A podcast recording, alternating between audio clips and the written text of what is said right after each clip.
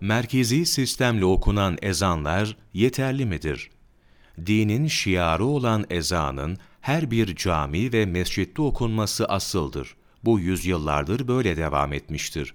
Ezan, ister cemaatle kılınsın, ister tek başına kılınsın, namazın sünnetidir. Buna binaen, her mescitte kılınacak namaza ait müstakil ezan okunmalıdır. Bir mescitte okunan ezan, o mescitle alakalı olup, diğer mescitler için geçerli değildir. Merkezden okunan ezan sahihtir. Ancak sadece okunduğu merkez camisi için sünnettir. Diğer mescitler bu ezanı işitiyor olsalar da tekrar kendi cemaatlerine ait ezanı okumaları sünnet olduğundan terki mekruh olacaktır. Merkezi sistem uygulanması için gösterilen önemli sebeplerden biri de ezanların güzel şekilde okunamadığıdır. Bunun önlenmesi için bazı merkez camilerden hoparlörle yüksek sesle ezan okunup diğer mescit ve camiler kendi cemaatlerine duyuracak şekilde hoparlörsüz ezan okurlar. Böylece hem merkezi ezanın güzelliği sağlanır hem de sünnet olan her mescitte ezan okunması da terk edilmiş olmaz.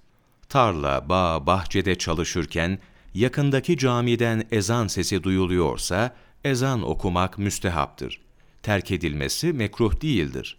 Fakat ezan sesinin duyulmadığı yerde ezanı terk etmek mekruhtur.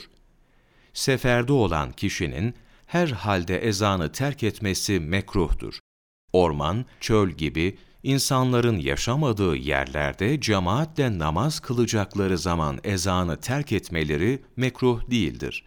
Sualli cevaplı İslam fıkhı Cilt 1 sayfa 439 Kaza kılarken ezan ve kâmet gerekir mi?